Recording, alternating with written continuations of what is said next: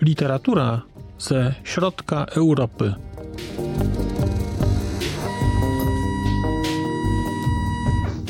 Podcast około książkowy.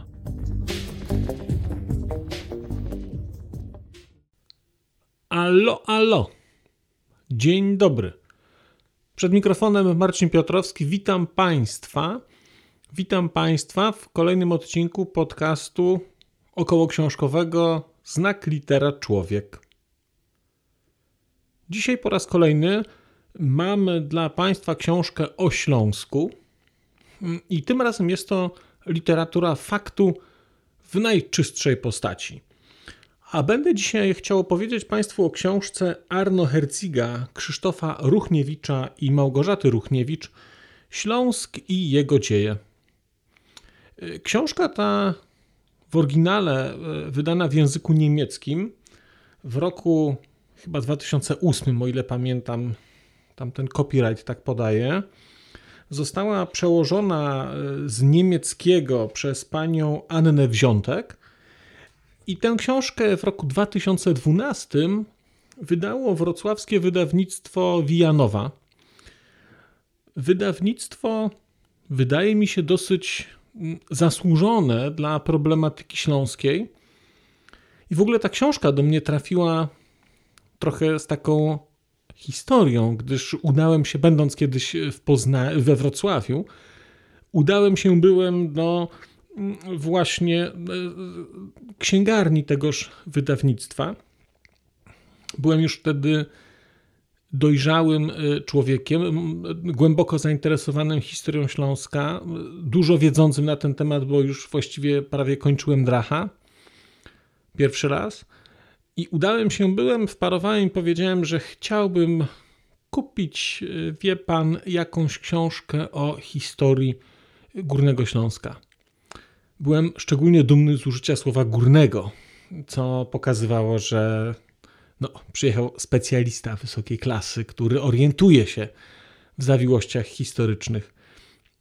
A pan na mnie spojrzał i powiedział: Proszę pana, Śląsk jest tylko jeden. I yy, w tym momencie nie bardzo wiedziałem, co powiedzieć. Nie pamiętam już, co powiedziałem. Zapewne godnie zachowałem milczenie ale wśród licznych książek, które sobie w tej księgarni kupiłem, była też książka właśnie Śląski jego dzieje. I tę książkę sobie na półkę odłożyłem, czekając na lepsze czasy, żeby ją przeczytać. Na lepsze takie, nie wiem, nie wiem dlaczego nie przeczytałem jej od początku, ale wiecie Państwo, jak to jest. No, książki przybywają wtedy, kiedy przybywają, a czas ich czytania czasami jest dosyć odległy od czasu dotarcia na półkę. Więc Śląski jego dzieje trochę sobie u mnie poleżał mm, i mm, tej książce nie pomagała forma też. Nie pomagała forma, dlatego że ta książka to jest e, taka książka w takim formacie, nazwijmy to albumowym. E, duża, takiego formatu powiedziałbym A4, nawet troszkę większa, w grubej lakierowanej okładce mm, na kredowym papierze z mnóstwem zdjęć. I przyznam, że kiedy y, przeglądałem sobie czasami książki, zastanawiając się, co czytać, to ta książka przegrywała w przedbiegach z racji swojej fizyczności i z racji tego, że zakładałem, że jeżeli coś tak wygląda albumowo, to będzie też miało, nazwijmy to, albumową treść, że to będzie jakieś takie nie do końca dokładne. I kiedy zacząłem tę książkę teraz czytać, to zorientowałem się, że okrutnie się myliłem. Okrutnie. Bo Śląski jego, dzie jego dzieje to jest e, literatura mm, faktu, literatura historyczna, książka, monografia, życzyłbym sobie czytać y, więcej takich książek o innych tematach, o innych krajach. Tytuł mówi właściwie wszystko. Śląski i jego dzieje. Można byłoby powiedzieć najkrócej, że ta książka jest książką o historii Śląska jako całego bytu geograficzno-politycznego, społecznego na, na przestrzeni właściwie dzieł, bo ona się zaczyna od pierwszych kultur y, takich, y, które są jakoś tam, y, które są jakoś datowane na jakieś tam kilka tysięcy lat temu. I mamy tutaj, więc mamy tutaj dzieje Śląska od czasów najdawniejszych do współczesności, takiej współczesności, współczesności, bo tam są rzeczywiście tam e, jest na przykład pokazany już Jerzy Buzek, czy właściwie jeszcze Jerzy Buzek, jako mm, przykład e, mm, osoby, polityka pochodzącego ze Śląska, który mm, zrobił karierę nie tylko w Polsce, ale też w polityce, w polityce europejskiej, integracyjnej. Książka, mówiąc o dziejach, to jest największa zaleta tej książki zdecydowanie największa. To jest rzeczywiście książka o dziejach i o całym obszarze. To nie jest li tylko historia polityczna Śląska. Jeżeli oczekujecie Państwo takiej klasycznej historii politycznej, mm, kto kogo podbił, gdzie był jaki władca, e, co miało miejsce i tak dalej, to w tej książce oczywiście to znajdziecie. Ale to stanowi mniej więcej, powiedziałbym, jedną trzecią objętości książki. Dlatego, że największą i największą wartością tego, tej, tej książki jest pokazanie całego kontekstu kulturowego i społecznego tego Śląska. Ogromną rolę, ogromną y, w tej książce odgrywa kultura.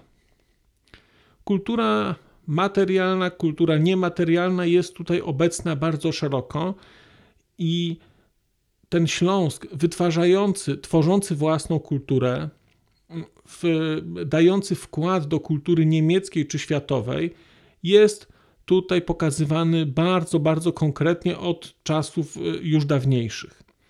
Jednocześnie te wszystkie wątki kulturowe dotyczące i sztuk wizualnych, y, i i literatury, i nauki również.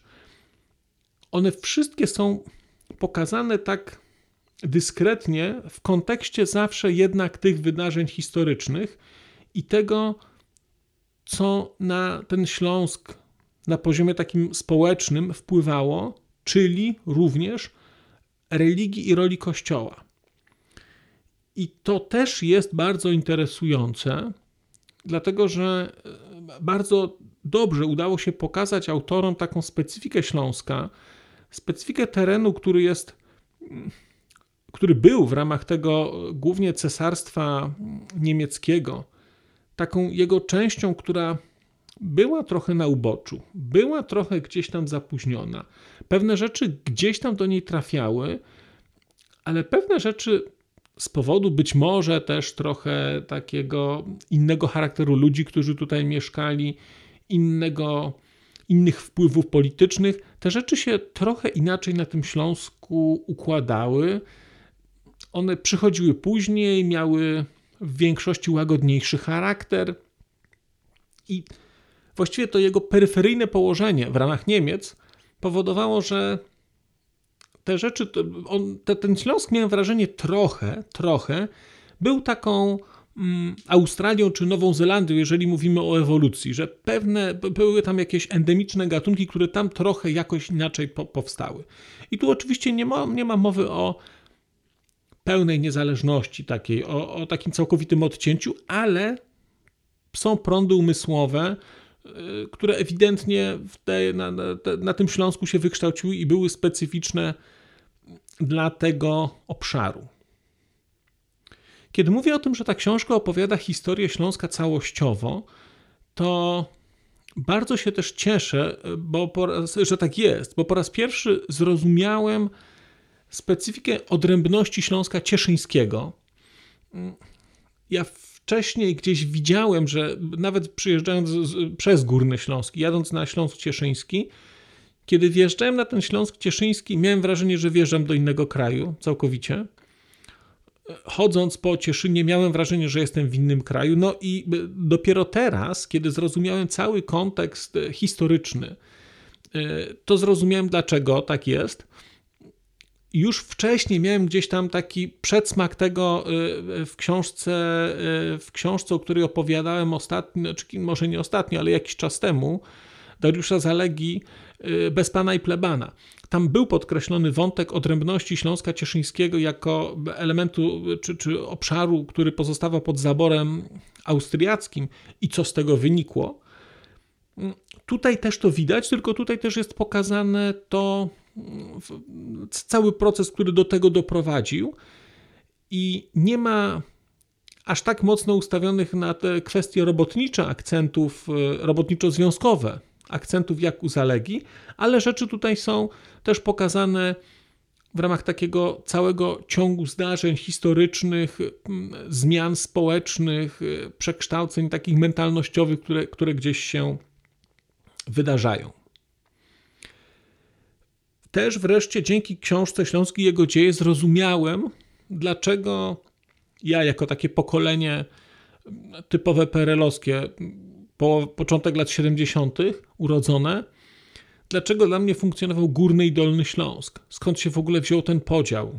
I że ten podział de, de facto jest, czy ta odrębność jest elementem budowy pewnej tożsamości poprzez w, czas, w czasach PRL-u. No nie zdawałem sobie z tego sprawy w ogóle.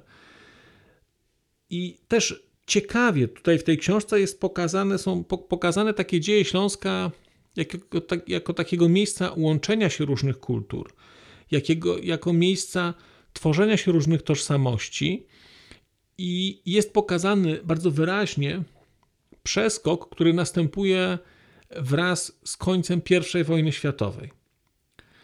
A ten przeskok wynika z faktu, że wcześniej tożsamości, które były na Śląsku, tam główny, główna przynależność to była przynależność powiedzmy religijna.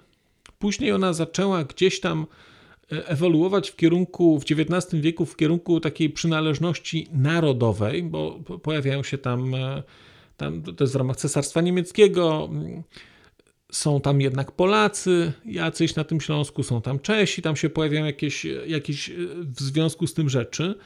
Natomiast nadal jest jednak e, mentalność jest śląska i ci ludzie myślą o sobie w dużym stopniu jako o Ślązakach. A koniec I wojny światowej i początek takich, e, nazwijmy to, nowoczesnych państw narodowych to wyraźnie wtedy już polaryzuje ten, ten, ten obszar i wtedy właściwie pojawia się wątek polski albo niemiecki, ten wątek śląski nagle zostaje przykryty narracją, która jest zbudowana wokół czegoś innego. I tutaj mm, w, w książce Hercigowi i, i, i Ruchniewiczom udało się to bardzo ciekawie pokazać. Czy ciekawie to nie, nie jest dobre słowo, ale interesująco to jest pokazane. I jak się to czyta, to, to, to widać jednak tę zmianę, która nastąpiła na początku wieku XX w postrzeganiu Śląska. My w Polsce mamy taką perspektywę patrzenia na Śląsk jako na miejsce, które ciągnie Polskę, które ciągło Polskę w górę, zwłaszcza w okresie między, dwudziestolecia międzywojennego, później po II wojnie światowej też. Ale tutaj bardzo wyraźnie w książce widać, że na przykład jeżeli mówimy o, o państwie niemieckim, to Śląsk był jednak prowincją. Śląsk był jednak odległy, Śląsk był gorzej rozwinięty. Poziom zarobków, poziom zamożności, wszelkie wskaźniki dotyczące jakości życia na Śląsku były kilkukrotnie niższe niż na przykład w analogicznych w analogicznych miejscach po drugiej stronie Niemiec, czyli w jakichś ośrodkach przemysłowych, zagłębiach, e, e, rury, te wskaźniki były kilka razy wyższe, czy trzy razy więcej się zarabiało na przykład w ramach tego samego e, kraju. Ludzie na Śląsku mieli więcej dzieci, były wyższe, były inne koszty życia. To jest bardzo, bardzo ciekawe, bo widać, że po stronie niemieckiej był, był to było to takie miejsce, które było zapóźnione i właściwie już w XIX wieku Niemcy zdawali sobie z tego sprawę i próbowali podejmować działania, które miały ten, ten Śląsk jakoś wyciągnąć na tle całości kraju. Z drugiej strony, kiedy ten Śląsk trafił do Polski, no to nagle okazało się, że jest to nad wyraz rozwinięty gospodarczo fragment i tak naprawdę on jest, staje się motorem napędowym całej gospodarki. Istotnym elementem tej książki jest też, e, są też zdjęcia i reprodukcje. Jeżeli tę książkę się weźmie do ręki, to właściwie można też sobie zafundować lekturę jej tylko po zdjęciach. Ich jest dużo, ale co ważniejsze, te zdjęcia mają też bardzo szczegółowe opisy. To nie jest tak, że mamy zdjęcie i mamy podpisane na przykład ratusz we Wrocławiu. Znajdziemy zdjęcie, gdzie będzie ratusz we Wrocławiu, ale opis zdjęcia będzie miał co najmniej kilka zdań. Są strony, na których są tylko trzy zdjęcia, ale połowę strony zajmują opisy tego, co jest na zdjęciach wraz z komentarzem. Y, tę książkę da się przeczytać po prostu oglądając zdjęcia mm, i te zdjęcia są bardzo oryginalne. Na przykład zdjęcia, które ja kojarzyłem mm, ze stanu wojennego, czy też z okresów wcześniejszego PRL-u, to są fotografie, których nie znałem, mimo że na przykład dotyczą y, szturmu na kopalnię Wujek. To te foty, które gdzieś tutaj są, są, są inne. Są też reprodukcje z prasy, jest mnóstwo pięknych zdjęć, e, zwłaszcza zabytków trochę starszych, i tych zdjęć jest tutaj dużo. I jak wspomniałem, ta książka może sprawiać wrażenie albumu. To, to, to, wrażenie wzmaga też fakt, że ona jest wydana na takim kredowym papierze ciężkim.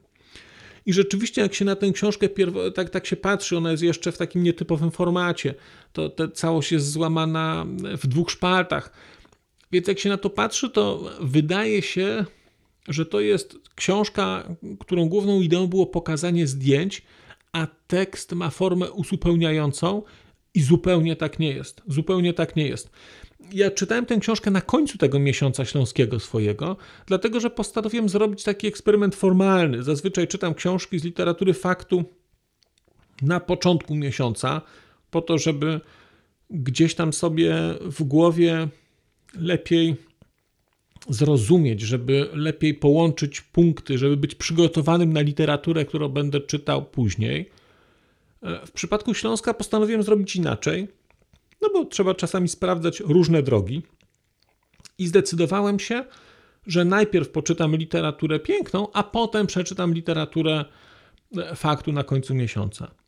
Nie wiem, czy to był błąd, ale wydaje mi się, że gdybym na przykład przeczytał ten Śląsk jako na, na początku miesiąca, to wydaje mi się, że łatwiej byłoby mi czytać inne książki. Łatwiej na przykład byłoby mi czytać y, y, książkę Dziedzictwo Ewy Twardej, o której opowiadałem ostatnio, dlatego że wiedziałbym y, wcześniej, czym jest kraj hulczyński i wiedziałbym, dlaczego tam mieszkali ludzie, którzy mówili po niemiecku i jak się to stało, że oni trafili nagle do, do Czechosłowacji. Wiedziałbym dosyć szczegółowo, jak, wyglądały, jak wyglądał przebieg powstań śląskich, wiedziałbym o tych wszystkich frajkorpsach, które tam y, y, działały, o ruchach, które tam były, robotniczych także, więc na przykład y, na pokorę wydaje mi się, że też patrzyłbym inaczej, bo to byłaby historia literacka do historii, którą znam, a tutaj było, a tutaj było, tutaj było odwrotnie.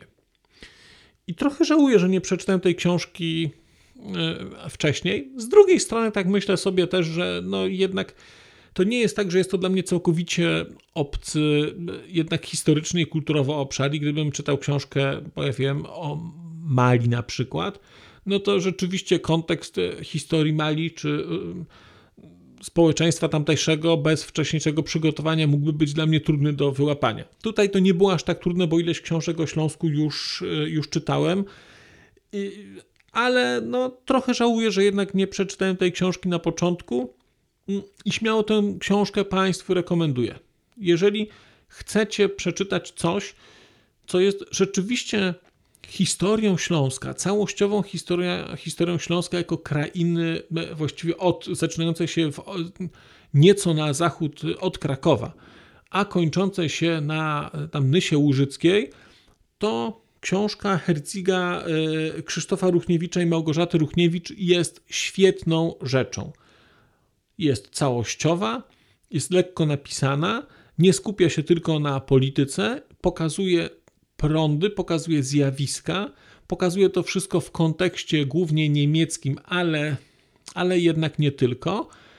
I jednocześnie też bardzo, bardzo jest jasno i e, pokazane też późniejsze są, bardzo wyraźnie są pokazane późniejsze dzieje Śląska, czyli te dzieje Śląska już w ramach Polski Ludowej, ze specyfiką tego miejsca, z tym, jak Śląsk, to też jest ciekawie tutaj pokazane, jest pokazane, jak Śląsk zachowywał się w trakcie tych takich kluczowych okresów historii Polski, znaczy może nie historii, ale tych zdarzeń XX wieku, jak zachowywał się w 56 roku, jak zachowywał się w 68 roku e, w czasie agresji na Czechosłowację, jak w czasie wydarzeń grudniowych w roku 70. Te rzeczy są tutaj pokazane i to jest bardzo ciekawe, bo przyznam, że nie spodziewałem się takiej perspektywy, a ta perspektywa jest e, tutaj, wydaje mi się, dosyć istotna i też warto, warto, o, niej, e, warto o niej mówić.